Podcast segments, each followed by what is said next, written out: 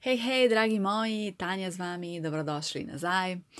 Že en mesec nisem snimala podcasta in sem to prav pogrešala. Težko se dogovoriti s sogovorniki, kar seveda razumem, saj smo vsi na polno zasedeni. Tako da sem res hvaležna moji današnji sogovornici, da se je vzela čas za snemanje epizode.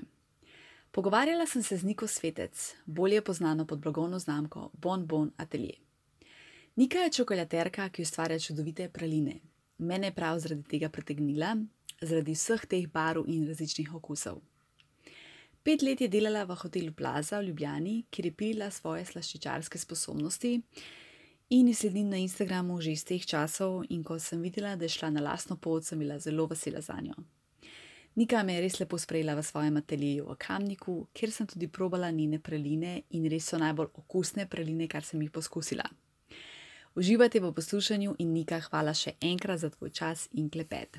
Lepo se imejte. Čau!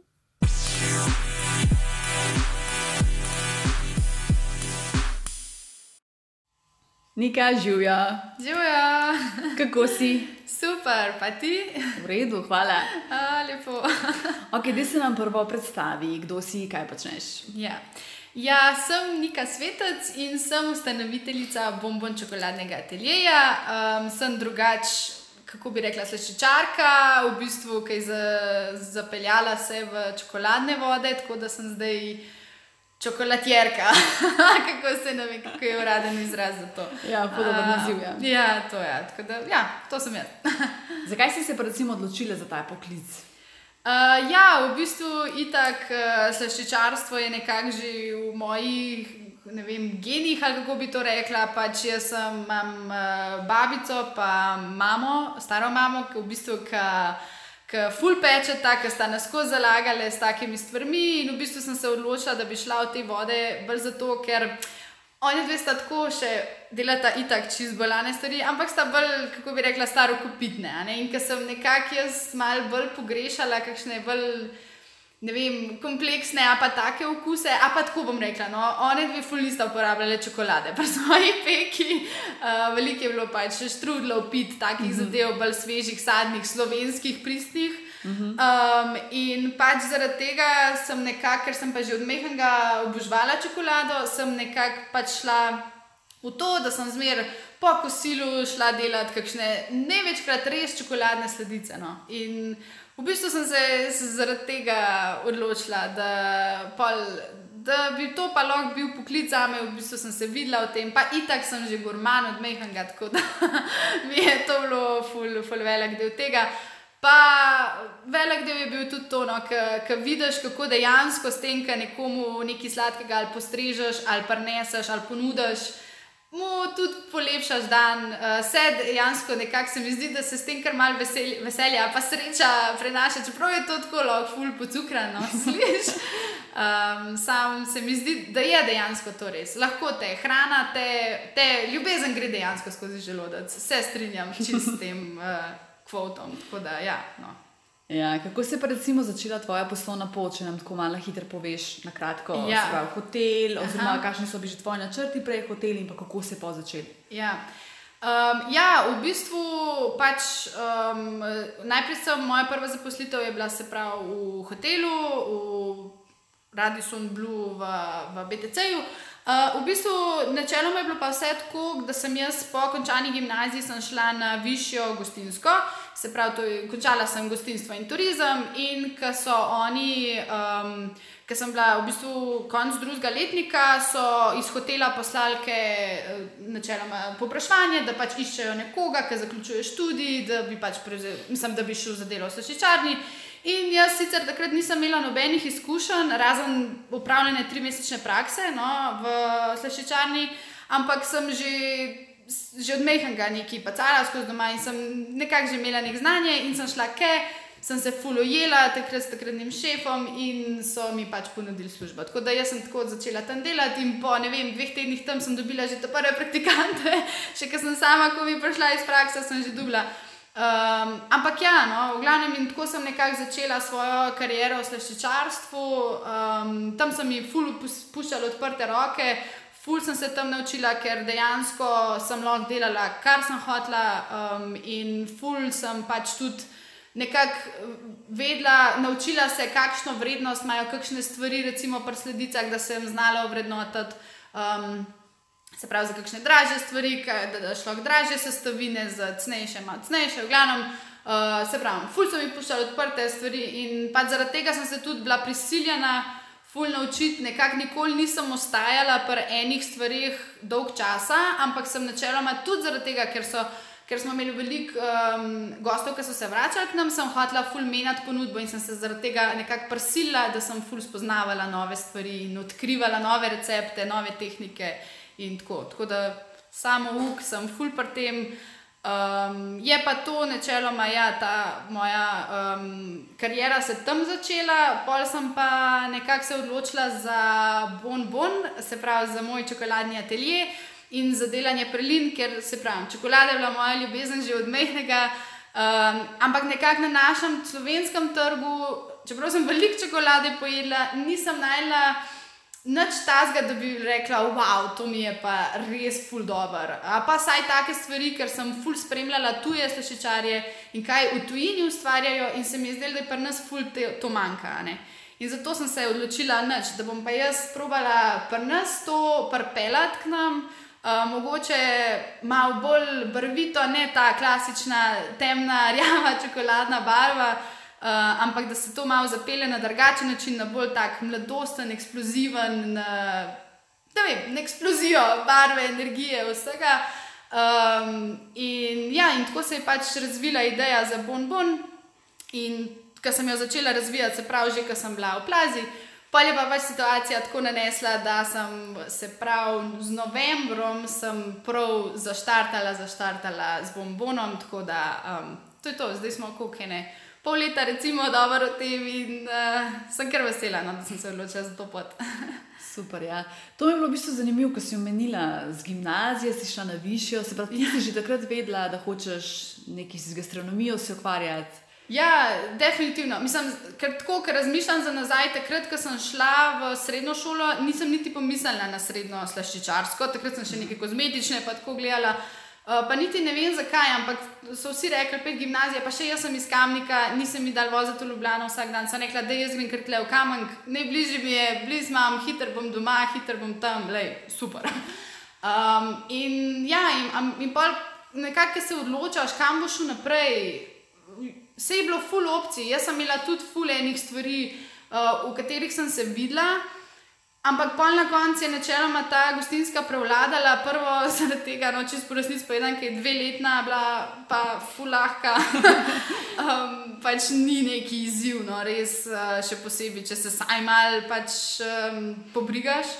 Um, no, to mi je bilo fulabr, pa nekako mogoče sem se zmer hotla bolj v neko strokovno smer usmeriti. Uh, in pač jaz, v bistvu, ki sem šla na, na to višjo gostinsko, niti nisem čisto točno vedela, meni tudi zanimala me je strežba, zanimalo me je več v bistvu vidikov. Ampak pa sem kar ugotovila, da, um, da je slešečarstvo tisto, v katerem načeloma bi rada šla. Uh, in pol, ko sem se malo bolj vrgla v celotno slešečarstvo, sem ugotovila, da je pa čokolada tista tematika za me, ki me najbolj pač zanima. Kaj vse si pa recimo morala urediti, preden si odprla svoje podjetje, se veš, v smislu inšpekcije?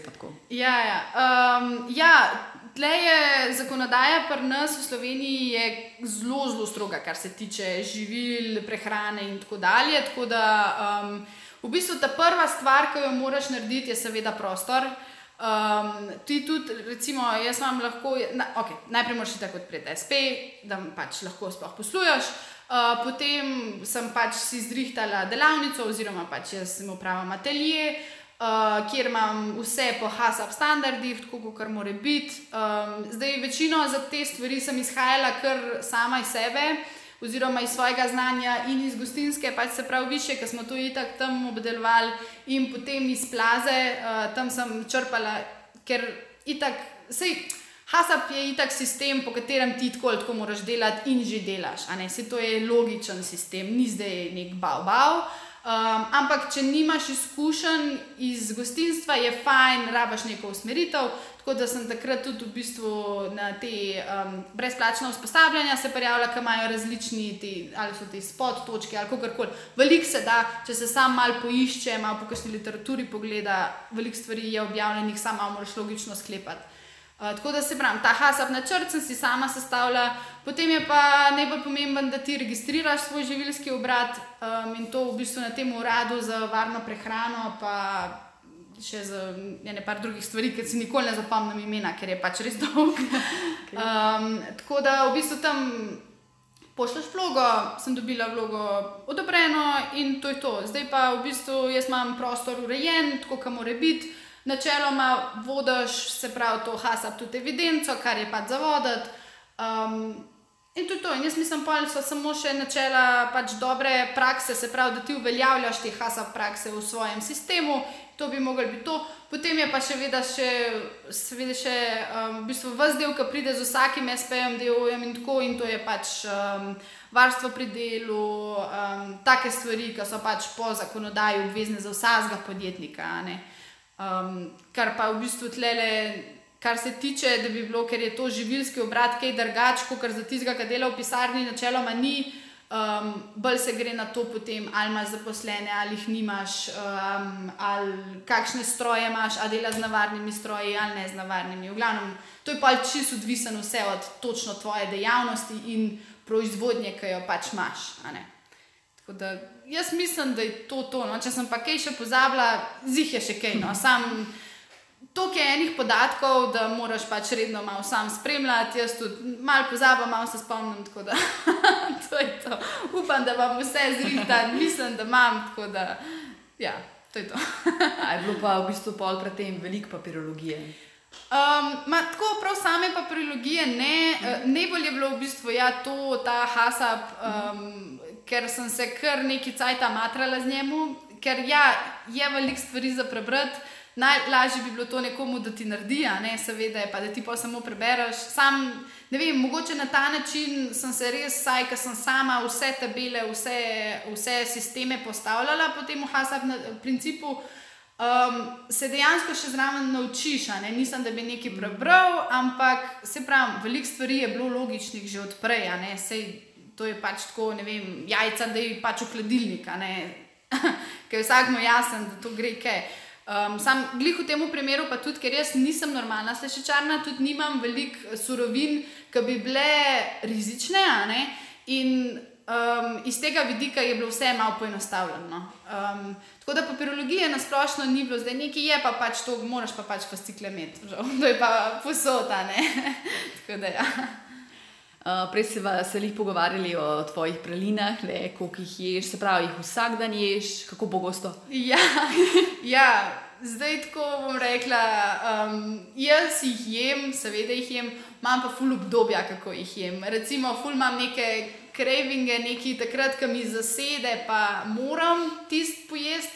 Moram reči, da jaz drugače ful nekih. Um, neke potrebe po sladkem, drugače nimam. Ne? Jaz ne maram sladkih, sladkih zadev, zato mogoče mi je tudi čokolada ena izmed najboljših sladkop, uh, ker ni, ni tako sladka, um, ampak je sama po sebi pač malo bolj kompleksna. Uh, in tako, no, jem jih, ful rada jih jem, ampak je pač čisto odvisno. Kdaj imam obdobje, ko ful rada samo, samo čokolado jem in potem tle napadam svoje, svoje vreče, pač samo čokolade. Um, kdaj pa imam obdobja, ne vem. Sej, prej sem ja razlagala o enem bombonu jagodni čiskej, ki sem ga imela za Valentinovo, ki sem ga pojedla na tone. Glih, včeraj sem imela eno obdobje, ki sem slano karamelo, po moje, glih ene pet ali šest bombonov, kar en za drugim pojedla. Uh, tako da imam tako, jaz sem full vizualen človek, jaz vidim, si zaželim in takrat to pojem. Tako da na tak način jih pač jih jem, uh, ampak ne bi pa zdaj rekla, da glih da, da vsak dan. No. Uh mhm. -huh. A pa imaš najljubši pralin? Ja, ne. to, je, to je eno vprašanje, ki me čisto vsi res ja, ja. sprašujejo, ja, ampak res moram reči, da ne, ker uh, teh 20 okusov, trenutno, ki jih imam, uh, bombonov, je pač razvitih po mojem okusu. In čist vsi so mi top, ampak glih iz tega vidika, ker imam neka, neka obdobja, kaj mi najbolj sede. Imam pač neka obdobja, ki imam enkrat, mi sede najbolj čoko, ki kiriki, ki je karamela, pa rašit in lahko jih pojem ful in jih tisti teden, a pa mesec jem in mi, recimo, vidim pa rubi bombon, pa mi sploh ne, ne zasede. Tako. Pa pa naslednji mesec mi pa ful sede neka ful sadna kombinacija, ali ne vem, malina ali pa pasijonka pa mi sploh ne temna, recimo, tako, recimo kombinacija s temno čokolado, to mi je ful smešen. Jaz imam pač taka obdobja in en obdobje mi je najboljši ta, en obdobje mi je najboljši ta. So pa čisto vsi bomboni v bistvu razviti po mojem okusu in po okusu, po okusu mojih bližnjih, no pač tako, so priskuševalci, a ne redni. Ampak, um, ja, moram reči, da meni so čisto vsi top in čisto vsega res z veseljem pojem. Kako pa izgleda, recimo, tvoj delovni dan? Ja, uh, to je pa res tako vprašanje, ki ga zelo težko opredelim, ker um, hm, pač jaz sem mal, kar se tega tiče, nezorganizirana. Jaz si dan zelo. Um, prilagodim in glede na delo, um, ali imam veliko dela, ali nimam veliko dela, um, ali ne vem, me kakšna prijateljica povab na kavo, ali hoče biti sam na sprehod. V glavnem, um, po eni strani mi je to fulo všeč, da si lahko sama dejansko um, organiziram. Mislim, organiziram, to je tako, no, bolj iz minute v minuto se odločam, kaj bom delala. Um, po drugi strani moram pa zdaj le bolj kot bombon raste, bolj kot raste popraševanje po njemu, se moram ful bolj začeti zorganizirati. Jaz sem zelo tak, uh, se mi zdi, flegmatičen človek v tem smislu, da um, se ful rada odločam iz danes na jutr in ne, nisem človek, ki bi ful planiral, pač jaz sem bolj, zdaj smo tle, zdaj bomo to delali.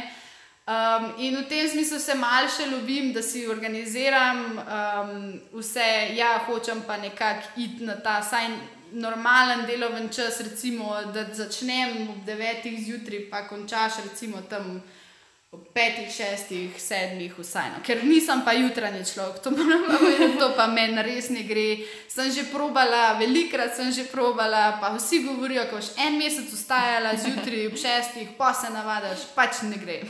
Pri meni ne gre, jaz sem tudi fulbol produktivna zvečer.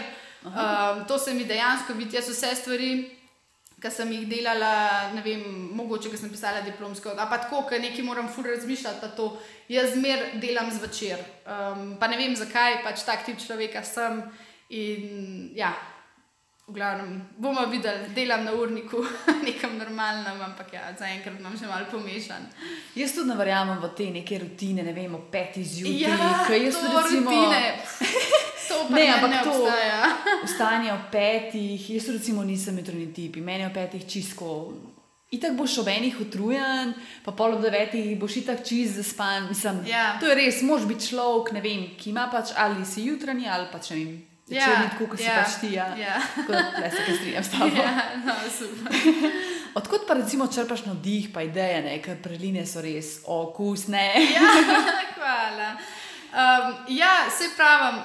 Vsi okusi so razviti čist po mojem okusu. To so neke kombinacije, ki so pač meni ljube. Že tako ali tako na splošno v sledicah ali pa v sadju. Um, ful mi je bilo važno, ker sem delala vse to, da nisi čutil samo neke sladkobe, pa čokolade, ampak da je dejansko sama pralina res intenzivna v okusu. Zdaj pa, ali se gre tukaj v okus v tej smeri, da, da sem si izbrala recimo samo en okus in ga probala čim bolj, čim bolj izkoristiti, kot se ga le da, ali sem šla pa pač narediti neko fuzijo um, okusa. Ki v bistvu najprej začutiš, ne vem, malo kislo, pa malo sladko, pa neki kranči, v tem smislu. Uh, vse pravim, vsi bomboni so narejeni načeloma po mojem okusu in po okusu mojih bližnjih. Pač veliko sem, sem izhajala iz tega, da ta ima rad recimo pistacijo, ne, da jim narediti nekaj v tej smeri, ampak je mogoče ne bi kombinirala z nekim sadjem, ampak da jim samo pistacijo ne, izpostaviti. In to tako, da, da, da ko boš ugriznil, boš res rekel, ok, pistacija. Ne? ne zaradi videza, ampak to, ampak tudi če bi slepo testiral, ne, da ne vidiš, kaj ješ, da bi vedel, da je to pistacija. To mi je bilo, najbolj, mislim, to mi je bilo res najbolj pomembno, ker se mi zdi, da, da mogoče to pri nas um, ni tok.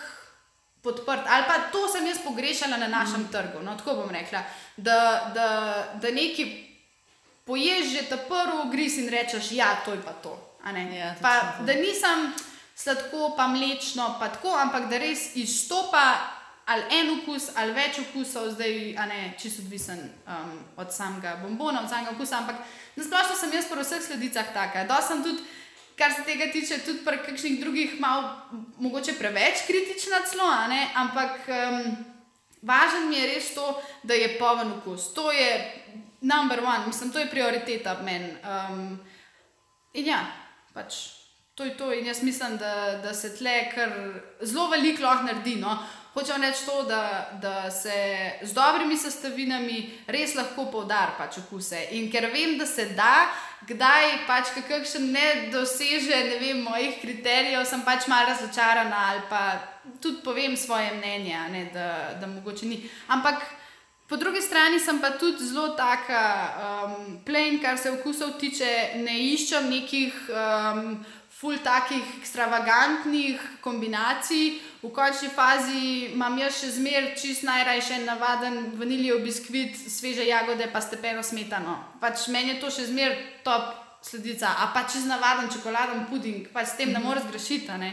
In um, iz tega sem tudi mogoče izhajala, da naredim neke klasične kombinacije okusov, ki jih že poznamo ampak sam to zapakiram v pralino in da je pa okus tisti eksplozija, ki daš v usta. To mi je bilo najbolj važno. No? In upam pač, da sem dosegla z vsemi recepti to, pač, kar hočem. Ja, točno to so tvoje praline, res, ja. ko vidiš, tako veš, ta zimska jedila je meni čisto ja. prevzela. Ja, super. okay, študija smo se že malo dotaknili. V bistvu me pa zanima, o čem je tekla tvoja diplomska naloga, v bistvu, kaj si potem do študija recimo, potegnila ven, mm -hmm. kaj ti je prinesel študij.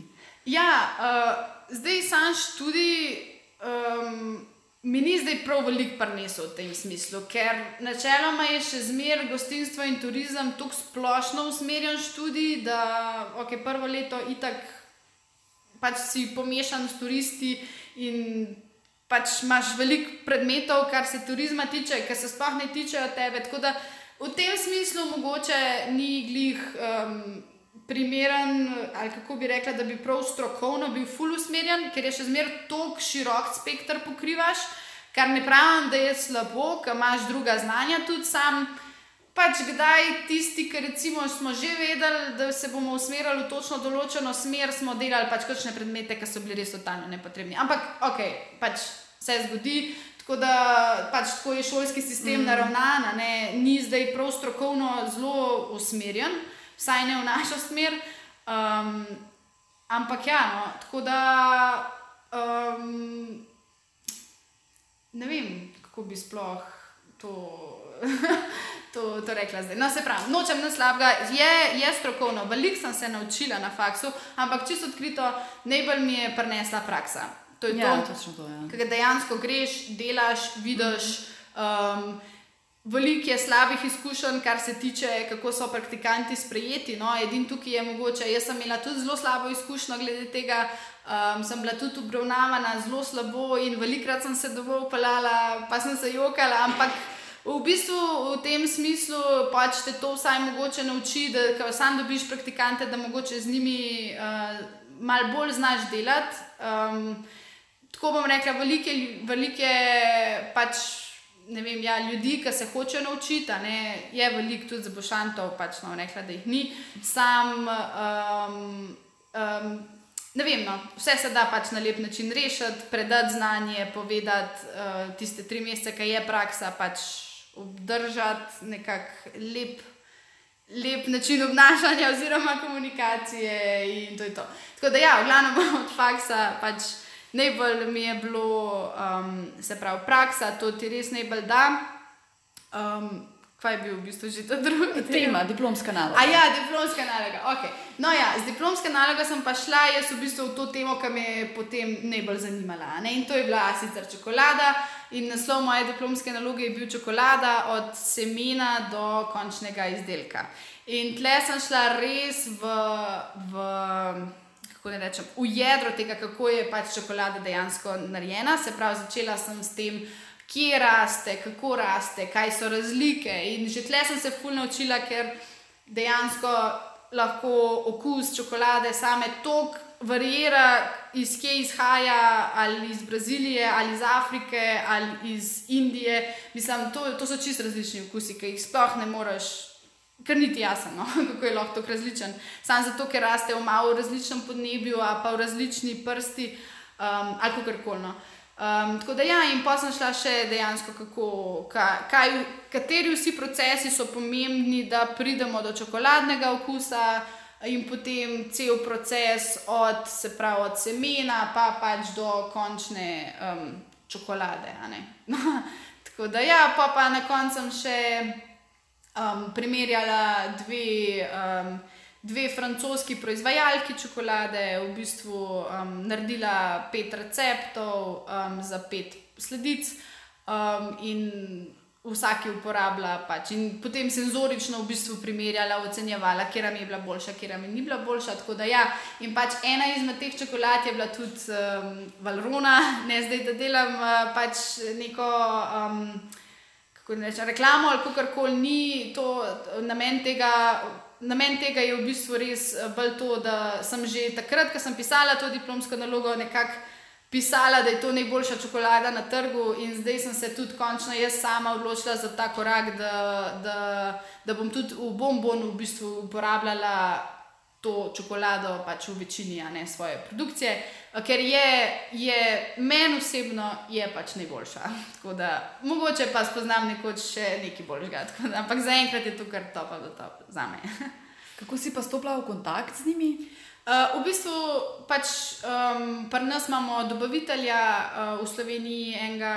Um, tako da, načeloma, on je bil dobavitelj že takrat, ko sem bila v Plazi. In ko sem jaz diplomsko pisala, sem v bistvu njih prosila, če mi lahko teste te mhm. čokolade, sploh uh, če mi lahko prenesejo, da jaz naredim to raziskavo. In so bili res tako prijazni, da so mi pač dali te teste. Um, tako da je bilo to super in že takrat mi je bilo dobro, ampak mi takrat v plazi smo imeli eno drugo čokolado, um, v bistvu to, s katero sem pač primerjala v diplomski. Uh, in pač nekako sem se zapomnila, da so bili oni tisti, ki so pač zastopniki pri nas v Sloveniji za, za njih. Um, in to je bilo to. Pa, pa ker sem jaz v bistvu odprla pač bombo na telje, sem zaštartala z neko drugo čokolado, pa sem pa še zmeraj neki mi ni dal miru. No? V glavnem jim pa sem kar rekla jim, in smo pač naredili, sem, so mi pripeljali to čokolado, sem naredila teste in sem se kar odločila, da, da to je to, ker je pač res dobro. ja, ja. Ok, zadnjič si na IGTV-ju v bistvu odprla neko tako ne vem, tabu temo ali pač kontroverzno, kakorkoli. Govorila si v bistvu o fair tradu, o problematiki pridelave čokolade, otroške delo na plantažah, da ima več o tem povedati. Ja. Uh, ja, v glavnem to je ena taka tema, ki je meni kar, um, kako bi rekla, pač, ki je, je zelo grozna. No. V, glav, v glavnem se hočem kar veliko o tem pogovarjati, hočem, da se ljudje med sabo začnejo pogovarjati o tem, največ, kar je, da se vsaj ozavešča. Ker um, to je res problem. Največja težava trenutno je v Afriki, um, kjer je zelo veliko nereguliranega in ilegalnega sajenja in gojenja kakavovca. Um, največji problem pri tem je, ker prvo um, iz drugih držav prihajajo begunci ali pa celo ne vem. Otroci, ne, otroci, starši svoje otroke prodajo na plantaže in to so pač ilegalne plantaže. In prvo je to, da so to otroci in se pravi otroško delo, um, drugo je pa to, da uporabljajo zelo veliko pesticidov, ki sploh niso priznani, niti ne vejo, kaj uporabljajo, um, sami recimo zbolevajo po parih letih uporabe. Um, oni pač sam njim da to, se pravi, lastnik plantaže v roke in oni to sprejajo posod. In v bistvu s tem tudi posegajo vse te tropske in pragozde in vse K, pač v bistvu, ker oni uničijo gost, zaradi tega, da potem lahko plantaže kakavca nastajajo. In potem, ker to uporabljajo toliko pesticidov, po 20 letih uporabe pač vse umre na tej zemlji, in potem se samo še v glo, globino, mislim, še bolj globje v pragost pomaknejo. In s tem, da to so zavarovana območja, to so naravni rezervati, ampak ker pač ni, nače, ni noben, mislim. Ni teh rangerjev, ni nobenega, ki bi to gledal. Oziroma, jaz sem že celo zasledila, da so rangerji, pa jih sam manj, ki pozdravijo, pa grejo naprej. Um, in pač ko ni nobene kontrole, ne?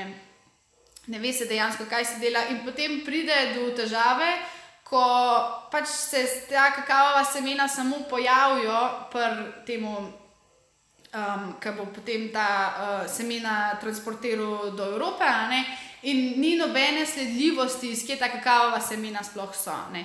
In zato nastajajo potem te, se jim reče, kooperative, um, ki naj bi povezvali kmete ali med sabo, se pravi, da se kmetje združijo v, v ene te kooperative skupaj in potem ta kooperativa proda naprej ta semena eh, pač tem večjim proizvajalcem in potem naprej. Problem je tle, ker je toliko enih členov v tej verigi, da ni samo vem, kmet, proizvajalec, kupec, ampak gre vem, kmet, pa vmes 10 do 20 različnih posrednikov, potem šele proizvajalec čokolade, potem spet ne vem koliko posrednikov, pa potem kupec. In kmet dejansko dobi 6%, kmetje no, dobijo 6% vsega zaslužka v čokoladi. In to je zelo malo, še posebej, če pogledaš na to, da kakavovc je taka posebna rastlina in raste in zori dejansko skoraj celo leto. Oni ga morajo obrazvati. Meni se zdi, oni imajo dve največji sezoni, um, se pravi, obiranja, a ne sadja. In pa še tako je smešen, da kakavovc ne raste tako ven iz veje, ampak, oziroma na koncu veje, ampak raste direkt iz debla. In ne zraste tudi, da bojo rekli, ok, zdaj bomo pa mi šli ubirati kakavce, ampak vsako, vsak plot v bistvu dozori ob različnem času. Se pravi, na enem drevesu boš, boš, boš danes obral en plot, pa čez en teden enega, pa čez en teden enega, pa in tako. In dejansko kmetje morajo vedeti, kdaj je čas, da oni to uberajo. Ful je kompleksna rastlina s tem, da je ful nagnjena na, na razne bolezni, isto to je zdaj trenutno ful, eh, kar velika težava, no pač v bistvu v tem svetu. Ampak ja, največji problem je pa itak to, da denar, ki ga mi za čokolado plačamo, dejansko ne pride nazaj do kmeta. Velikrat se zgodi, da mogoče kmetje sploh niso, um, niso plačani. Uh, ali pa se seme na poti v Evropo, vmes, ne vem, mogoče na teh kontejnerjih splestivi, in potem to ni proizvajalčeva pač krivda, ampak je pač krivda od kmeta, ki je že tako premalo plačan, ker so plačani, meni se zdi, da ne vem, kaj da bi rekla, da je dolar pa pol na dan. No. Glavnem, in to je se pravi za enega kmeta, in potem recimo njihov, oni si niti ne morejo prvoščiti, da bi svoje otroke pošiljali v šolo, a ne pojdi problem je še v tem, da pač itak šol je zelo mal v Afriki, um, vse kar je, je ful drago, si ne morejo prvoščati tega. Um, in v bistvu cel ta sistem za sabo potegne to, ta nek začaran krok, iz katerega ne morejo ne, pač uideti. Načeloma ima kmet, ima družino, ima otroke, lahko pošle samo najstarejšega v šolo, vsi ostali pač žal morajo delati na plantaži, ampak v končni fazi se tudi ne, sej, tudi pri nas na kmetih otroci doma pomagajo. Sej to ni zdaj nek tabu ali kar koli, pač to je del sveta. Sam uh, problem je pa pač res v tem, če niti tega ne morejo, um, da bi ga saj poslali v šolo vse otroke, ampak samo enega. Um, tako da, ja, celoten sistem je pač tukaj mal napačen in jaz mislim, no, v bistvu samo v tem, da če se saj o tem začne mal govoriti, ker to se ne dogaja samo pri tem ilegalnem pač gojenju, kjer so razni, um, prisotni razni begunci, brez staršev in tako. Um, se dogaja pač tudi v, na, na, na priznanih, um, v bistvu plantažah, um, ker pač dobesedno oni ne dobijo do znarja, ne, da bi pokrili svoje življenjske stroške. In zaradi tega so potem zrasle tudi te. Um, nove kooperative, ki podpirajo, se pravi, so priznane v, v fair trade principu, a ne se pravi po principu pravične trgovine, da delajo, kjer načeloma oni določijo neko dnevno mejo za, za normalno plačo. Uh, in potem, tudi če cena kakava pade na trgu, so kmetje še zmeraj plačani to. In recimo, to je zelo dobra praksa, ker se vidi, da načeloma lahko ena družina živi od ene manjše plantaže.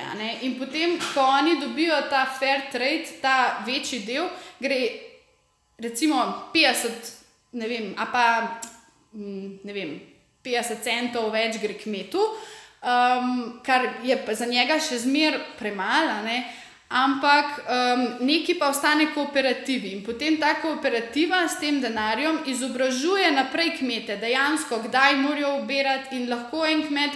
Ful več pridelka dobi iz, istga, iz iste plantaže, ne, je prej, ker je izobražen v tem smeri, um, ve, katere pač uh, te pesticide lahko uporablja in s katerim ne zastruplja svoje zemlje, pa svojih plodov. Um, pa recimo, ne, lahko, lahko se pomagajo si med sabo, potem uh, se pravi, da ubirajo enkrat od enega plantaža, potem grejo na plantažo od drugega. Se pravi, dejansko je kooperativa, ki funkcionira, ni samo kooperativa na nekem papirju, ki v bistvu pobere vsa semena iz kjerkoli prihajajo. Pa pač reče, da je vem, to iz te pa te plantaže. Tako da je veliko velik več transparentnosti tle. Uh, potem, če je fair trade. In tudi čokolada, ki je fair trade, ima ponavadi zmer um, to odtisnjeno na neki embalaži. Um, zdaj, veliko je tudi stvari, ki piše, pa niti ne veš, aj pravi, da je pač to, kar piše. Ampak um, jaz načeloma mislim, da je tukaj, kar je, pač, če ima ta fair, fair trade znak gor, da je to, kar pač piše, da je. In s tem, čeprav imajo še zmeraj nižjo, nižjo vem, plačo kmetje, kot bi jo recimo potrebovali. Imajo vsaj možnosti za to, da imajo neko, neko streho nad glavo, um, da, da niso lačni, da vsaj otroke pošljajo v razred, mislim, v šolo do, ne vem, do, pr, do pač vsaj prvih pet razredov ali kako koli. No. Tako da, um, če se le da pač če, jaz smer pravim, če imaš možnost kupiti fair trade, pa ne fair trade, pač vzamem fair trade. Prvo, um, jaz mislim, da pač kvaliteta je boljša, ker pri vseh teh večjih konglomeratih, tudi um, mislim, večjih proizvajalcev, recimo čokolade, ti ne veš, kaj oni vse noter namešajo, um, ker se res mešajo čokolade iz, mislim, semena iz vsega sveta, da nastane ena čokolada. Um, tako da, ja, pač, če imaš le možnost, zber pač fair trade. Um, to je ena stvar, ki jo mogoče lahko vsaj malo spremeniš. Jaz bi rekla, no, da je na tem področju še zelo veliko možnosti za izboljšave, uh, zelo veliko se da, pač, ampak vse stvari z leti zelo spremenjajo. Recimo, štiri leta nazaj, ko sem pisala diplomsko, ko sem dejansko um, začenjala pač raziskovati malo to temo, ker sem čist random na njo pač naletela, ker sem pač, ker me je zanimalo, kje kakao odraste in kako se prideluje. In tako um, je pač v bistvu že zdaj velik sprememb. Sam opaziti jih moraš, videti jih moraš. Um, in so primeri dobre prakse, ki se dogajajo. In jaz mislim, če bi se to implementirali še na druge stvari, potem tudi tega ilegalnega gozdarjanja, tako ali tako, pač potem tudi ne bi bilo, kar bi bilo boljše in za okolje. Um, in za vse. Sicer vse, verjetno si bi pol te ljudi v druge panoge usmerjala, ne samo, ne, probimo vsaj eno zaustaviti, ali kako bi pač temu rekla. Ja, jaz sem tudi sama sem si ogledala ta dokumentarc in v mhm. bistvu tudi, kot si ti na IGTV omenila, ti otroci delajo vem, po par let. Ja. Preden sploh lahko vem, začnejo služiti, ne, mm -hmm. mislim, to so res take krute zgodbe. Da, ja. Mislim, tako no. Pač res je, po eni strani se pori začne sprašovati, pismo, kaj če bi jaz se tam rodil. Recimo, mm. kako, mislim, po eni strani se jaz kar čutim, mal, da sem nefera, ne sem glih, zaradi tega sem pa jaz rekla. Da, Da če lahko kaj spremenim, lahko spremenim v tem smislu, da ker obrnem tok in tok kil čokolade na leto, da da je to ena stvar, ki jo pa mogoče lahko samo par kmetom spremenim. Pa če je že to, um, dost, pa če bo že, recimo, ti, ki boš v trgovini šla, pa je res kupila tisto fertre čokolado, le mogoče si pa glih ti kupila eno, ne vem, s tem en zvezek. Res, mislim, vse to so ja. lahko take banalne stvari, pač mi tle ne bomo mogli. Sveta spremenjati, mi ne bomo korporacij mogli spremenjati. Pač žal, tako je, tako je svet postavljen, vsaj za moje ne, to je moje mnenje, no, spet. Um, sam pač se pravim, če lahko vsaj eni, a pa desetim družinam malo spremenim, je to to. Pa če dobim zaradi tega še boljšo, kvalitetno čokolado, pa še toliko boljš. Mislim, ne vem, tako. To mi je, dobro mi je to, no, da, se, da se malo zavešča o tem, da se malo začne govoriti. Um, Ker dejstvo, da, da pač predstavniki teh večjih konglomeratov, ki imajo čez, pač, ki zakupijo 70% vsega kakava na svetu, um, da pač predstavniki rečejo, da se se v vem, ubiranju bombaža tudi dogaja suženstvo, pač to ni legitimen razlog. Ni, pač, kakšen je to argument? Ne vem. No. Kaj da bi rekla, da ja, se sosed tudi goji travo, jaz jo pa tudi lahko. Ne, ja, pač to, je, to je pač največja stvar, ki je sporna. Ne, se, ful se govori o tem, kakšne spremembe se dogajajo, pa pa se dejansko um, pač predstavnike sooč z, resnicami, pa je velik leži. Ampak sej, dogaja se v vsaki, vsaki panogi, to po celem svetu. Um, ampak ja, več se bo o tem govorili. Že sam, če boš šel na kavo, pa boš nekomu to omenil, pa se o ta pogovarjala, pet minut o tem sta več naredila, kot če se ne bi o tem pogovarjala. To je to, pač ja. ozaveščanje. Točno to, ja, se strinjam, že v bistvu začnemo res ta pogovor, ja. že s tem bomo ful naredili. No. Ja. Ok, gre pa zdaj ma, na malo lepše ja. teme. uh, Umela si tudi raznolikost uporabe čokolade, se pravi, da ni za vsaka, ne vem, za prelino, mm. za mus, da je malo še o tem. Ja, v glavnem, tle je ful um, razlika v procentih, se pravi, kakavovega masla, ki ga ima čokolada noter, v procentih kakavove mase, to je v bistvu kakao liker, ki je pač prav pure, pure, pure čokolada. Vse je v procentih, več, tle, uh, več ali manj. Uh, gre se tudi potem za to, koliko je viskozna ta čokolada, se pravi, koliko je tekoča. Um, recimo, vem, za muse je mogoče malo bolj primerna, kakšna ne toliko kisla, ker temne so lahko mogoče kakšne fulkisle, imajo fultak pokus. Um, moraš pač najti zmer primerno čokolado. Recimo zdaj jaz za, za kakšne muse, pa take stvari se ne bi glih poglabljala, ker sem zdaj že toliko časa iste teme, da sploh ne vem več. Ampak okay. kar se pa prelin tiče, bi pa rekla, da. Da jaz načeloma drugače zbiram po okusu za polnila. Mi je najbolj to važno, da mi je okus najprej. Odvisno, kaj hočem doseči no, s to čokolado. Če hočem povdariti, recimo, neki ala pistacijo, a ne v bombonu za pistacijo, potem ne bom vzela neke čokolade, ki ima full intenziven, močen kisu okus. A pa in močen pokus na koncu tudi, zaradi tega, ker potem se pistacija ne bo čutila. Ne? In bom raje vzela neko čokolado, ki je zelo taka plain, pa ne prevladuje, ampak je zelo dobra baza za ne, pač ta okus, ki ga hočem povdariti. Če pa hočem jaz ful poudariti nek okus, recimo ta kamen bombon, um, pač iz, iz čoko, temno čokolado iz Madagaskarja, ki je sama po sebi zelo taka, malo posebna, malo kiselkasta. Um, in pač tukaj pa potem zberem eno tako čokolado, ki je malo posebna. Bi bilo pa spet čist drugače, če bi vzela eno temno čokolado, ki je čistko meh. Mislim, ker so pač različne. Vsaka se pravi, vsaka čokolada ima svoje. Recimo tudi jaz za lupinco, a ne uh, prelin, uporabljam tako čokolado, ki je pač meh. to rečem zaradi tega, eh, ker ni tako izrazita, zaradi tega, da lahko pride polnilo do izraza. Um, In ja, to je to. Recimo, edin, če pa hočem, da nastane neka fuzija, ne okusa, recimo, kot imam pri prelini um, malina, ki je pa pač prav lupinca iz malinine kuverture in doda ful okusa, pa je noter tudi recimo krema oziroma ganaš iz temne čokolade, pa malin.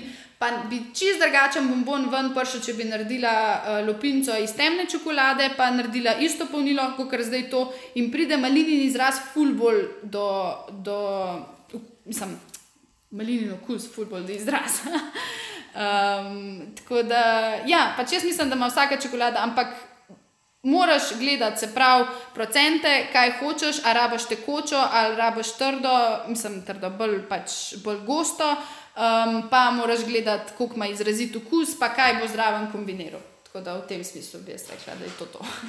Wow, fu zanimiv. Koliko časa je pa trajalo, da si ti to vse neštudirala, ker verjamem, da si ful časa vložila ja. vse to. Ne?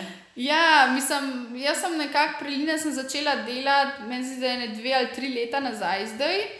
Um, v bistvu pač niti ni to, kar se tiče okusov, niti ni to, kaj ta trajal, ker sem nekako v glavi sestavljala neke verzije bombonov, ki se mi je zdelo, da bi okusi skrb štimala. Uh, jaz veliko kombiniram z recimo temi sadnimi želeji, uh, ki v bistvu niso želeji, to je bolj nek gel, kaša, čežana, no, tako nekako ker so v bistvu iz pektina, ne vsebujejo nobene želatine, pa nič tazga.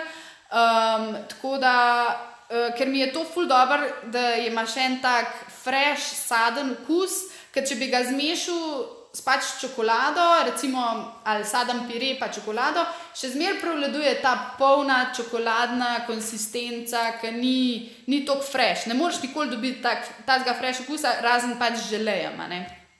Um, Tako da jaz načeloma se pravim, sem najprej si naredila v glavi neke, um, neke pač kaj se mi je zdelo, kakšne kombinacije bi skupaj pasale, kaj bi bilo meni všeč, potem sem to nekako na papirju uh, naredila, potem sem probala recepte narediti. In ja, pač načeloma moram reči, da so kar vse ideje um, skoraj prvotne. Edine ne par bombonov sem tako malo zamenjala, ostalo mi je pa kar bilo že iz prvega, že to, kar sem si v glavi zamislila, sem pa mogla samo v bistvu recepte dodelati, da, da sem prišla do take konsistence, kot sem hotela, ali sem hotela, da je malo bolj trdo, da je malo bolj gusto, da je malo bolj, ne vem, mehko, pač čisto odvisen, kaj sem hotela doseči.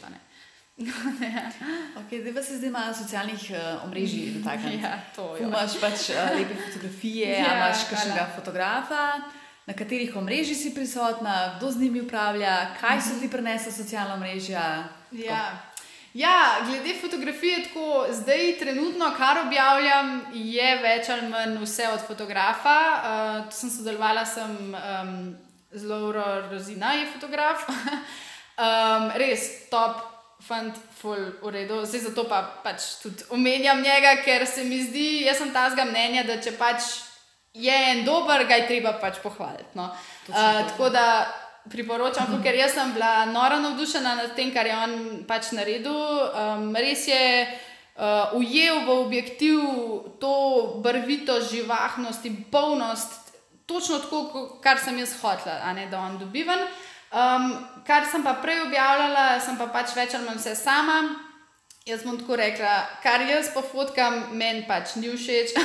tako da zdaj s takim veseljem objavljam Lorotove fotke, ker so res popolne. Um, te moje je pa tako, no, se veš, telefon, pa nek background, pa probaš ob dnevni svetlobi, pa še zmeraj moraš ful obdelati v Lightroomu, mislim, obdelati saj svetlobo, ker polje, fora, ki so tako žive barve, ali da hočeš zunanjost izpostaviti, pa barve, ali hočeš notranjost, pa to, da se res vidi, da so različni sloji, pa da je želejček, pa malo teksture, da dobiš. V glavnem, tale, um, vsa plat fotografije meni fulni ljuba, uh, je res ne maram. Um, ampak um, pač to je del tega, ne morem si prvoščiti, da mi kar vsakeč prije fotografa po fotka, uh, ampak uh, dobro, no, se pač. Um, se da tudi, da sama no, delam, um, ampak se provam tega izogibati, če se le da. Um, tako da, ja, drugače pa družbena omrežja, um, bom bom profile imam na, na Facebooku, pa na Instagramu, um, tam sem tudi najbolj dejavna, ker. Um, Se mi zdi, da pač zdaj nova doba, naša generacija, pač to je naš portal um, komunikacije. Um, jaz sem sicer taka oseba, ki ni rada prav pred kamero, čeprav um, lahko izpade nekako drugače, ampak to zato, ker se ponavadi snimam tle tri ure, zato da dobim ven 10 sekund na story, ampak dobro, pustimo to. Um, pač jaz sem sicer rada malo bolj v ozadju, ampak ker, ker je to bon, bon pač moj otrok, recimo mm. temu tako, sem rekla, pač, da se bom izpostavila, ker. Načeloma moje zgodbe ne more noben drug povedati, kot povem jaz. Um, noben ne more mojega mnenja izraziti, kot ga izrazim jaz. In pač, ker bi rada bila nek ne vem, obraz čokolade pri nas, ampak ne v tem smislu, da hočem jaz, jaz biti, ampak glih iz tega, iz smisla ozaveščanja, kaj se v zadnji dogaja, iz smisla pripovedovanja zgodbe, kako dejansko čokolada nastane in koliko je čokolada dejansko surovina, ki jo vsi podcenjujejo, ki se da z njo res tok narediti, pa tok različno jo lahko zapelaš. Um, To je res neskončen svet. No. Če bi rekla, že, da je slaščičarstvo zelo široka panoga, je čokolada pač neomejena, je vesolje, res. Da se narediti, um, kar hočeš iz nje. In, um, no, v glavnem, pač bi, sem nekako rekla, da bi izkoristila družbena omrežja, da, da se ne govori v bistvu samo o bombonu, pa samo o mojih pralinah, ampak nasplošno, da se naredi nek komunity ljubiteljev eh, čokolade, um, da, da med sabo malo mnenje izmenjujemo. Um, me pa i tako filajo ti pozitivni komentarji, pa že se tega nikoli ne naveličala. Meni je tako dobro, ker mi ljudje potem pišajo odzive. Uh, pa mi pošiljajo, ne vem, slike, pa videe. Pa in, ampak to na vseh portalih, in na maile, in daj me, kakšen zelo pokliče, to sem najbolj vesela, pa ker klepetamo malo, um, da je tako res cajt zabija. Ampak Tako, res mi je v redu. No? Um, se pravi, nekako ljubezen gre skozi želodec in jaz se s tem nekako počutim, da predajam neko veselje, čeprav je tako čez hrano, um, ampak je, je to pozitivno, no? se mi zdi. Um, in čez družbena omrežja pa sploh lahko ful, uh, ful predaš. Um, se mi zdi, in jaz dobim nazaj potrditev, da to, kar delam, delam dobro. Um, in pač ljudje dobijo nekaj, kar so krajvali, kar res hočejo, nekaj dobrega, en dober produkt, ki je narejen z dobrimi sestavinami, iz kar se da pač lokalnimi, kar pač dejansko dobim pri nas, kar lahko dobim iz um, tako in iz duša, in iz srca, in lej pač na splošno se mi zdi, da so družbena omrežja en tak dober kanal, kjer se lahko povežeš s svojimi kupci. Pa ne samo s svojimi kupci, pač se to so tvoje stranke, ampak v končni fazi to so ljudje, ki jih spoznavaš. Jaz sem že recimo zdaj toliko. Dobrih ljudi spoznala čez to pot, pa ko smo se recimo malo pogovarjali, pa ko pridejo k meni, recimo na osebne prevzeme, pa se malo pogovarjamo, pa je to pet minut, pa je to deset minut, tako ful se mi zdi, da se mi je mal uh, odprl svet, bi temu rekla. Ja, ja. Um, koliko ljudi sem recimo na novo spoznala, pa se mi zdi, da sem lahko z vsemi tako pač dobra prijateljica. No? Tako ful mi je dobro, ker se. Ki se dogaja. K, in glih mogoče zaradi tega sem se odločila, da ne bi bila več tako v, v ozadju, ker sem bila recimo do zdaj v svojih sočičarskih vodah. Um, ampak zaradi tega, ker imam s tem dostop do, do zelo velikih ljudi in do ljudi, ki me zelo inspirirajo. Pač to mi je pa tako dobro, ker spoznam ljudi, spoznavam ljudi, ki so meni podobni, ki razmišljajo podobno kot jaz. A pa mi pomagajo takrat, ko sem mogoče jaz mal, mal ne vem, v negativnem mudu. Eh, pa me dvignajo. Ali pa ne vem, spoznala sem veliko ljudi, mojih vzornikov, ki mi še kar ni jasno, kako da so mene od vseh ljudi opazili, pa da so navdušeni nad mojimi izdelki. Um, pač tako nasplošno mi je vse. Ful dobr in ful dobr princip družbenih omrežij. Je tudi lahko paz, da se tu zasačam, da, da kar neki, ki bi mogla delati, pa kar neki brskam yeah. gor pa dol, pa, pa zabušavam. No? Um, ampak pač, če najdeš en balans, um, so lahko ful dobr kanal, um, kjer si ti kot človek lahko in kot predstavnik svojega podjetja in kot predstavljaš svoje produkte, pač full package. Ja, na tle se da bi stvari shodila pohvaliti, ker si fuz govorna, pa fuz ja. govorna stop, ko sem te zanj ja. videla na story, fuz sem presenečila, tako, ja. oh, wow, ne. Ja. Zdaj, kje si se recimo naučila, ne, ta tega nastopa? Ja, ni to ena stvar, ki bi se jo naučila, mm -hmm. pač to sem jaz. to je pač tako. No, um, ja, to sem jaz in Ja, pač malo sem zgovorna, kdaj sem lahko zgovorna, kdaj pa lahko prideš tudi k meni v telje, pa ne bom tudi besede spregovorila s tabo, ker sem pač v mudu noter ali pa tako da ja, čisto odvisno. okay. Deva se še malo vrniti na delo v hotelu. Uh -huh. Kaj si recimo, kaj ti je to? Od, kaj si odnesla od tega? Ja, mislim, to je, to je meni osebno ena boljših izkušenj v mojem življenju. Sej, kot sem že prej razlagala, mi smo bili v hotelu res ena malo uh, večja družina. Um, pač mi smo se kregali, mi smo se imeli radi, mi smo res toliko stvari preživeli skupaj. Um, Toliko enih pritiskov, pač gostinstvo je res grozen poklic, no, tako bom rekla.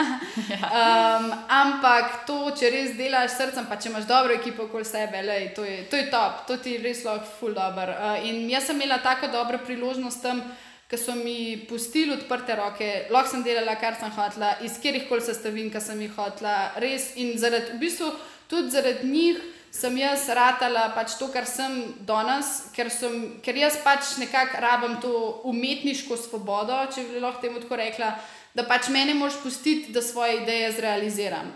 In če jih lahko. In potem še dobiš potrditev, ker jaz sem tam konstantno dobivala neke potrditve, če ne od zaposlenih, pa od um, pa od pač gostov in to me, pač meni potrditve gor držijo in me, mi dajo zagon za naprej, da raziskujem nova področja, da raziskujem nove tehnike, nove okuse in to je to. In če pač jaz mislim, da se nikoli ne bom tle ustavila. Pa nek um, ustalila, da bi rekla, da je to zdaj moja ponudba, zdaj bom pa to do konca svojega življenja delala. Pač jaz mislim, da tukaj ni tako in to je bilo pri njih, men, kar meni največ pomeni in kar bom tudi zmer vsakmu povedala, da je top. Pač meni so bili oni, ne vem, super. No? In super izkušnja, in pač vse skupaj, cel paket je bil top, to, kar bi hotela. Sam, ja, manjkalo je pa to, da to nisem bila čist jaz. Um, Ni bil to moj brand, ni bil to točno to, kar sem jaz hodila, ampak ja, sej, se pravi, tam sem delala res vse, od bifejev do fingerfooda, do, um, do streženih gal, do, do nekih kosil, res vse. In jaz še zdaj obožujem platinge, jaz imam najraje strežene stvari. Uh, to, to je res ena stvar, ki jo drugače ful pogrešam. To je bil moj najljubši del dela v hotelu, ker tle sem se res, tle je moja ustvarjalnost najbolj vam pokazala, se mi zdi. In tle sem se res ful, ful igrala in z molekularno kuhno in z raznimi drugimi stvarmi in to mi je bilo top. Tako da v prihodnosti z jih bom šla mogoče še kaj od te vode, če se bo le dal um, nazaj, ampak tako bomo videli, uh, v kakšnem smislu. wow, ja. Kaj pa recimo, v čem je ta skrivnost, da ti je uspelo? Ja, um, puh, kaj bi pa, mislim, sej dejansko, pač mi smo zdaj le pol leta, smo ko mi bom, bom zdaj v uspehu, ne, sej. Tako bom rekla, da itak, um, ko je popraševanje, ko so dobri odzivi, je uspeh res uh, velik no, za, za tako kratek čas delovanja.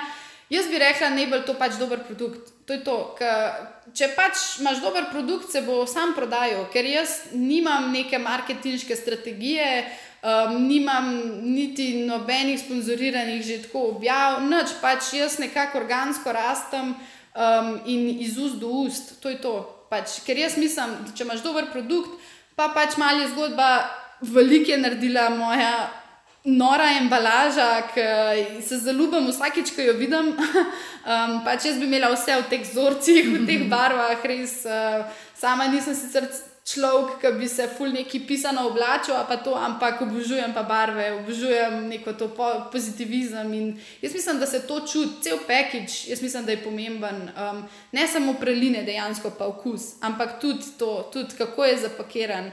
Um, pač tudi to, da jaz svojo zgodbo naprej s tem predajam, tudi to, da imaš načeloma vsak bombon svojo zgodbo, kako je bil zasnovan, s komu v mislih je bil zasnovan, za koga sem jo dejansko naredila. Um, in to je to, to je pač.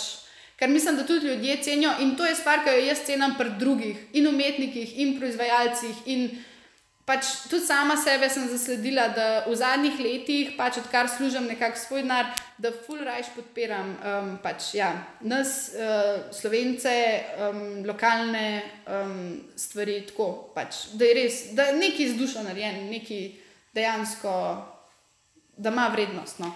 Ja, absolutno ta zgodba, Ja. to je tako number one. Ja. Mene so tudi te tvoje barve pritegnile. Ja. ne, to je tisto, ja. Ja. Da bi se še malo pogovarjali o sodelovanjih z drugimi podjetji. Uh Mhm. -huh. Za veliko noč si naredila čokoladna jajčka za gajbica.si. Ja. Da mi v bistvu povej, kako je izgledalo to sodelovanje, kako je prišlo do tega, pa pol še z drugimi, kako sodeluješ. tako Ja, ja. ja, večina v bistvu podjetja, kar sama pristopajo do mene, no, zaradi tega, ker jaz sem itak načeloma že zdaj toliko zaposlena eh, z raznimi sodelovanji, da tudi tako no, zelo redko sprejmem kakšna nova. No, um, ampak eh, tako, gajbica.si. Ful super ideja, pač meni imajo oni tako dobro to spletno stran postavljeno. Uh, mislim, tudi tako na splošno, da ti sveže, glih, to, je to, to je ta fora, lokalno, v Sloveniji pridelano, sveže, top, pa še domov ti dostajajo. V glavnem, in, ja, oni so me v bistvu najprej kontaktirali okoli Valentinovega, so imeli moje Valentinove paketke isto na voljo, pa zdaj še ta jajca, uh, pa že tako so jih potem še hotel naročiti, pa sem imela že žal čisto vse razpredane. tako da, Um, ful mi je dobro. No, tako. in v bistvu sodelujem, več ali manj sodelujem z vsemi takimi ponudniki, ki ponujajo lokalne zadeve in ki se zauzemajo,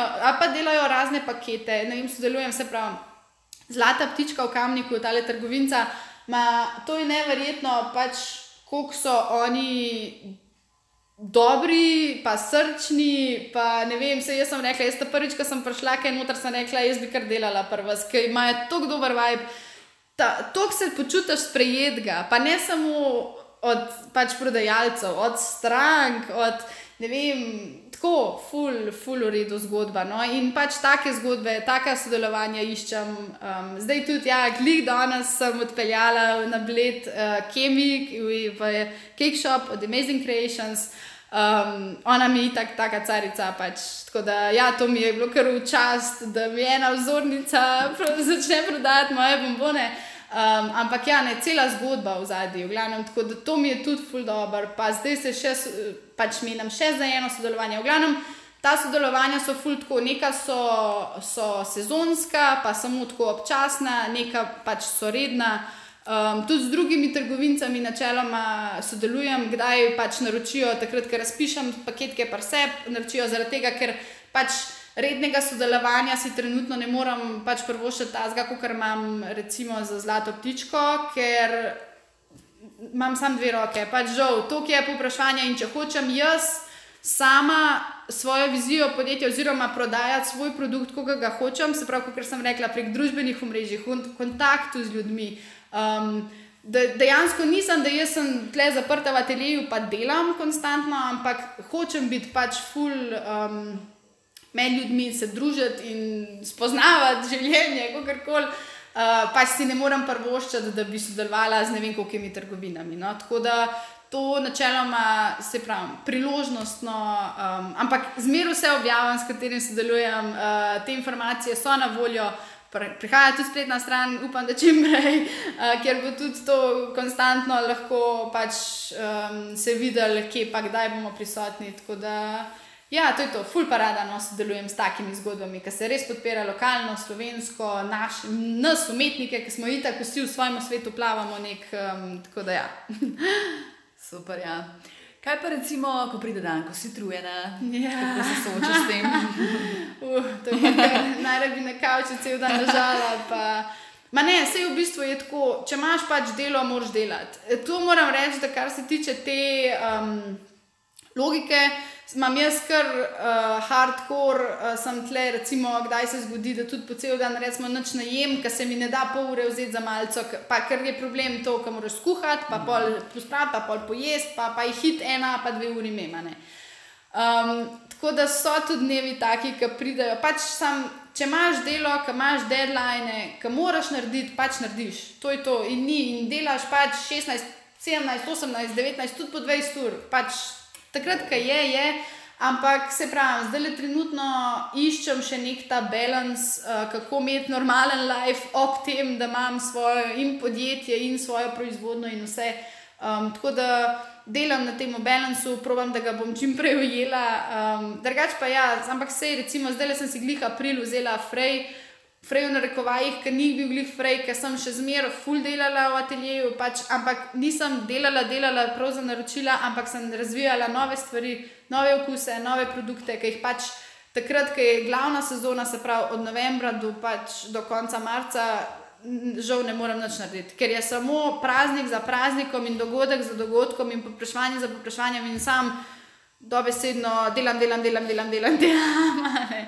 Sam tako je, sezona, zdaj pa si pravim, upam, da bo poletje malo bolj. Ne, poletje sem rekla, da si bomo vzela malo bolj na izi. Um, bomo videli, pač, kako bo zdaj le bolj. Tako, malo mal, mal, mal prodajam, malo ponujam, malo gledam še, kaj so možnosti. Um, tako da počas, slow and steady, jaz rečem. Korak za korakom. Ja, Ja. ja, točno to. No, tukaj se v bistvu vprašanje navezuje, kako pa skrbiš za svoje zdravje. Ja, zelo slabo. Okay. Tako bom rekla, um, pač najbolj mi je smešen, ker zdaj, ker sem bila zabubljena tlele do februarja, pa marca, pa še zaradi korone, se z velikimi tako sorodniki, pa to nisem videla, ali pa prijatelji. So bili zdaj kar vsi malo šokirani, ker sem pa je pač pol skušala, čeprav zdaj sem v aprilu vse nazaj dobila. Ampak ne, to so pač stvari, ki jih jaz ne opazim. In ja, moram reči, da nimam pošlihtan vsega, tako kot bi mogla imeti.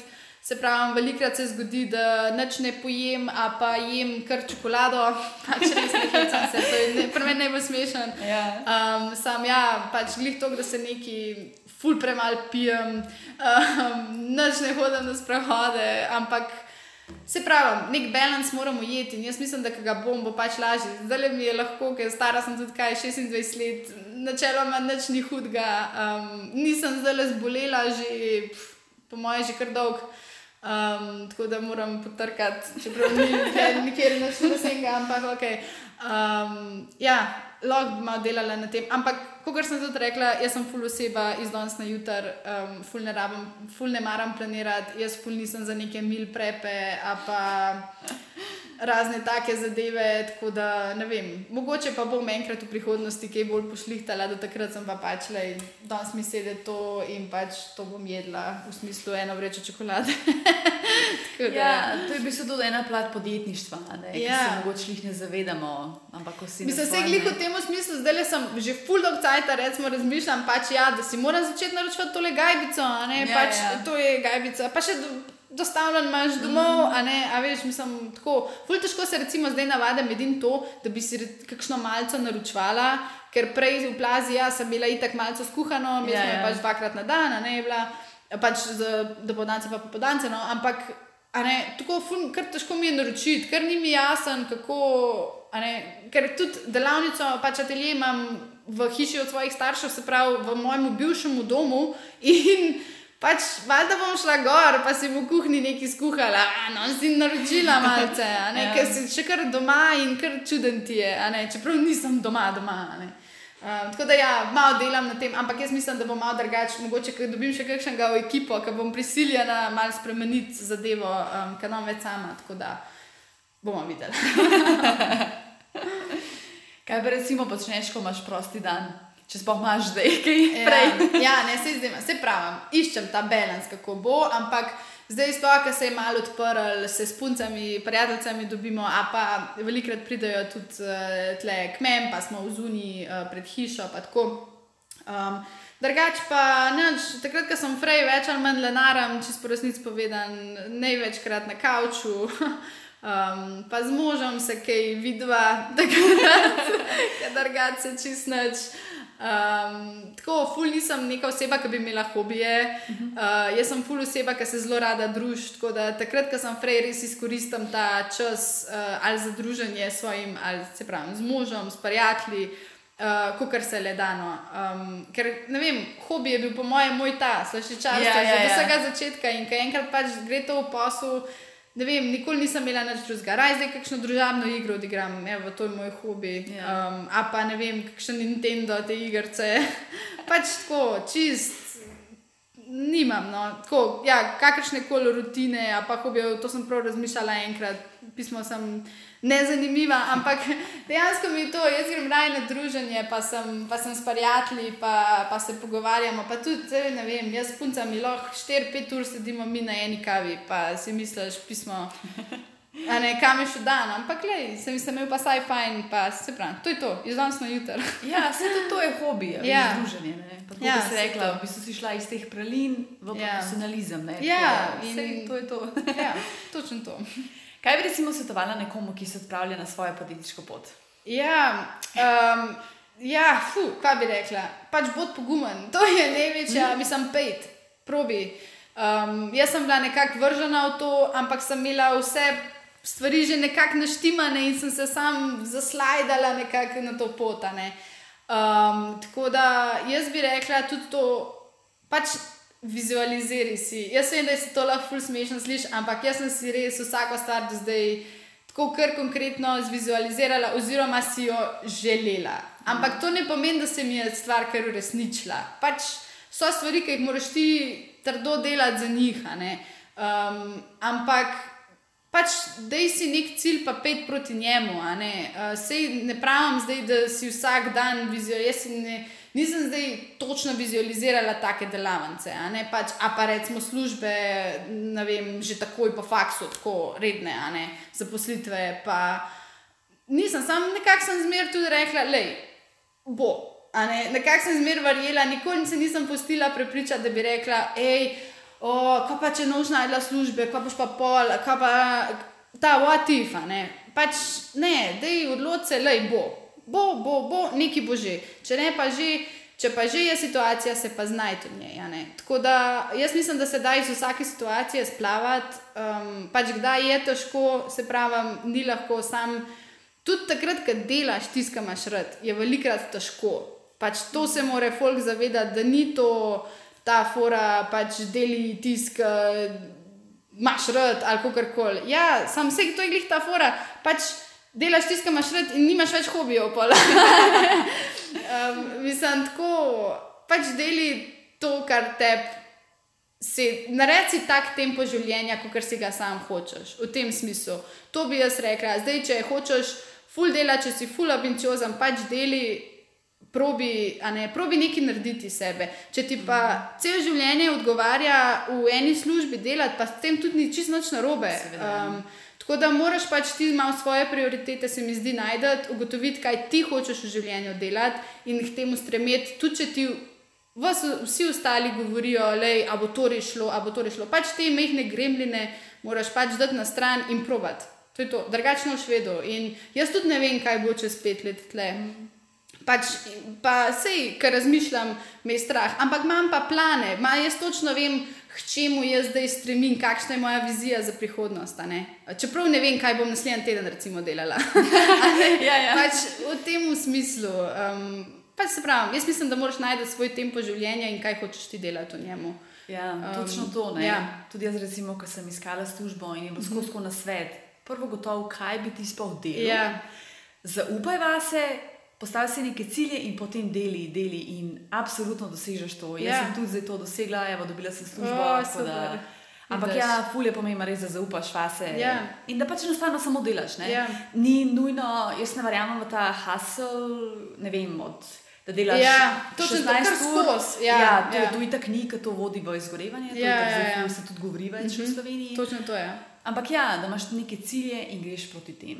Pač ja, jaz mislim, da, da niso vsi cilji, ki jih družba postavlja, glih to izgorevanje, pa to dela, Ja, ja, pa ja. preteranje. Ja, pač trenutno svet tako hiter poteka, da ga ti sploh Ja, ne ja, moreš ja. se umiriti, pa pač ujeta.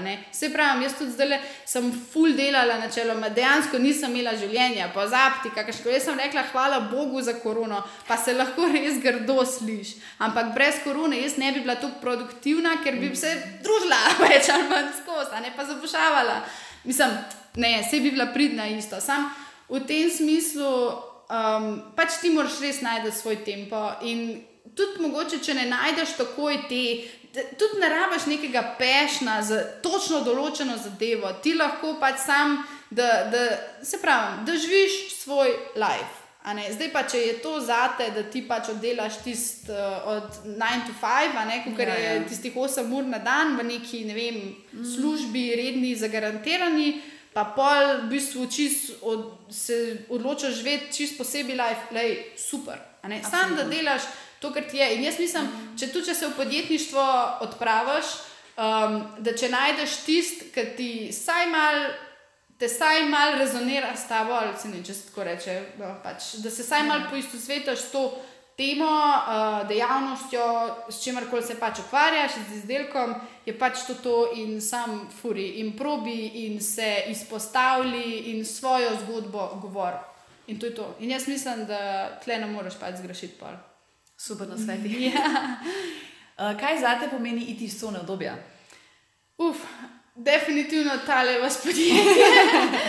ne, mislim, uh, ja, no, ta cona obdobja je glih ta, recimo, um, zgodba tudi to, da sem zmerno nekako hotela biti v zadju in ne v spredju, zato sem se tudi mogoče odločila za slaščičarstvo, gostinstvo, kakorkoli. Um, Se pravi, to, da sem zdaj kar mal prepoznavna, da zdaj že dejansko vejo ljudje, kdo je neka sveta. Sej nisem zdaj ne vem kaj, ampak že da kamen ve, kdo sem, je za me dosta. Ja, ne. Uh, pa ne, najbolj to res, ja, um, kakšni moji vzorniki, da me najdejo, pa da hočejo sodelovati z mano, to mi je čist, uf, in pol tist, a bom dosti dobra ali a so moji produkti dejansko tam, spet neki ti gremljini, a, ne, a sem dos ok.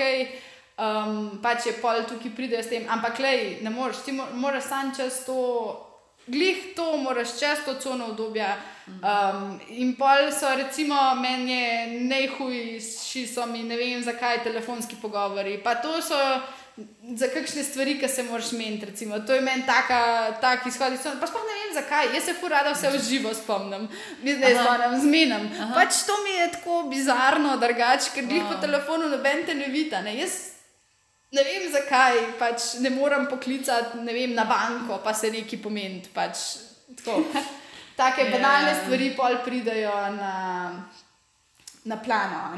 Drugače pa, ja, ne vem, pa bi še rekla, da je izven cone obdobja. Spravim, kakšno sodelovanje največ pač z ljudmi, ki jih res občudujem. To mene najbolj, ker pa imam spet, ker ja, ja. duši me, a bo ok, a no ok, ali kako pač bi. Pa mogoče zdaj recimo predstavljanje kakšnih novih produktov, uh, kako bo to trg sprejel. Um, Zdaj, le, recimo, je tudi en primer, no, ko bom malo uh, zvišala svoje cene svojih produktov, zaradi tega, ker sem menjala čokolado, a ne pač, ker sem šla na bolj kvalitetno, na Fairtrade čokolado.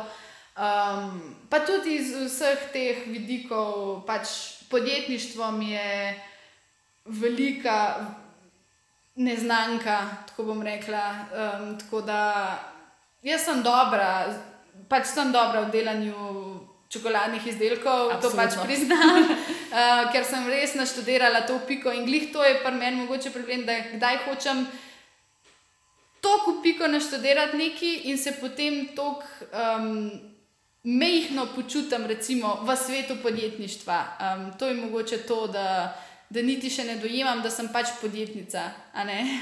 pa ta perfekcionizem. Ja, bolj je problem je pri tem res, ker drugače res nisem perfekcionist v zasebnem življenju, ampak kar se pa tiče mojega poslovnega dela, sem pa že od kos. Mora biti v piko, mora biti tako, kot bi jaz pričakovala. In če ni, pač ali razstalaš, ali ti poješ, ali pač ne bo, ne bo stranka dobila nekega produkta, ki čez moje oči ne bo popoln. Pač, tle so kakšne stvari, ki me mogoče malo nazaj držijo v tem smislu, da bi lahko kaj šlo čez, pa pač jaz ne spustim, da gre čez. Ampak, le, se pravi, to je spet ta fora, vsak si mora svoje kriterije postaviti.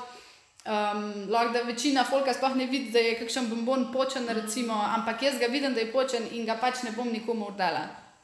Razen tako kot, uh, ne vem, Jaz temu pravim odpadniki, no.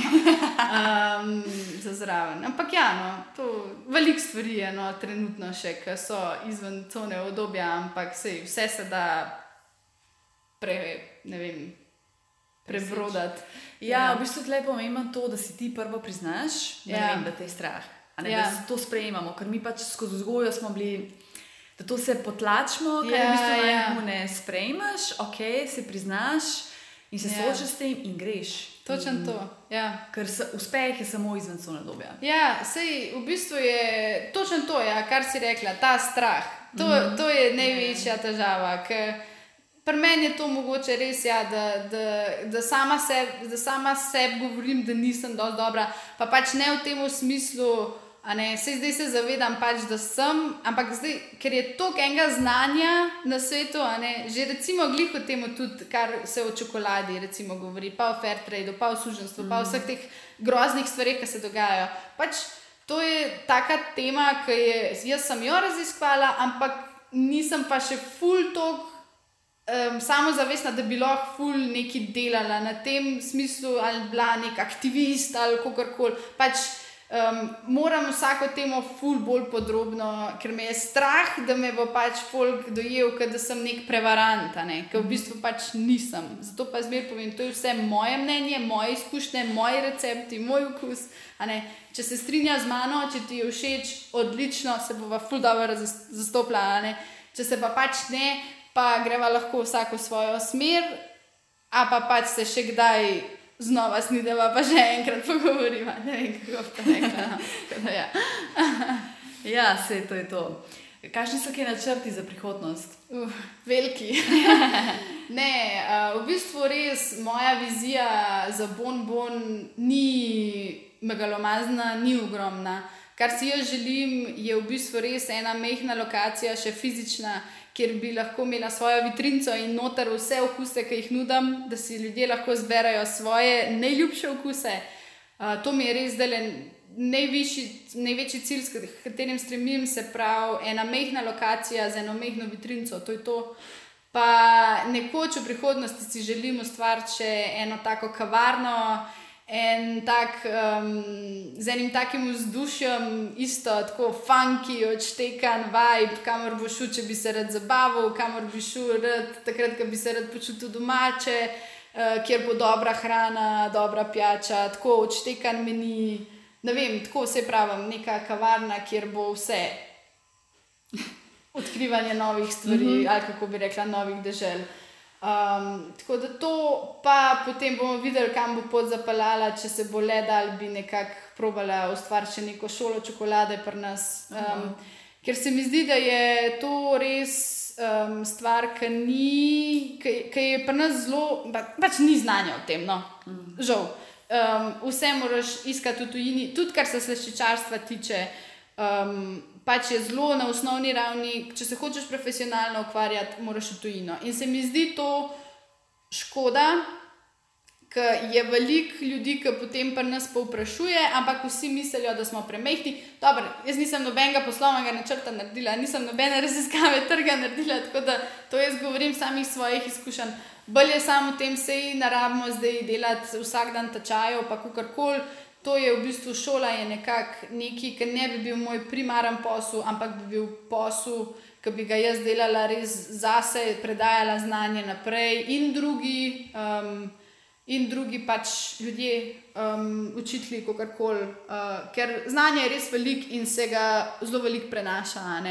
Um, se mi pa zdi, sam, da se ga prenese v Sloveniji v tem smislu in se mi zdi škoda, no? res. Um, pač to manjko, ki sem jo jaz nekako našla, pa nas bi rada zmanjšala.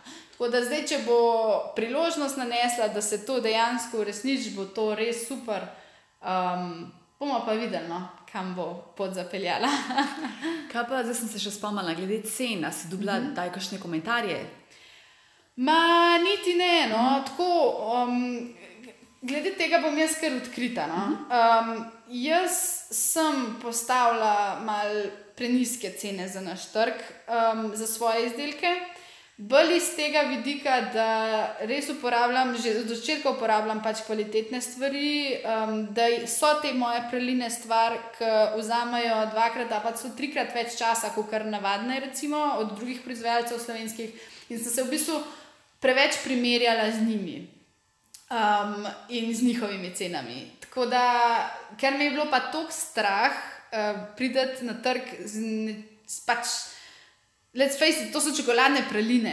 Jaz v lifeu nisem pričakovala, da bo to toliko popraševanja, kot je bilo. To je toliko na hitro rastel, to so vsi hoteli.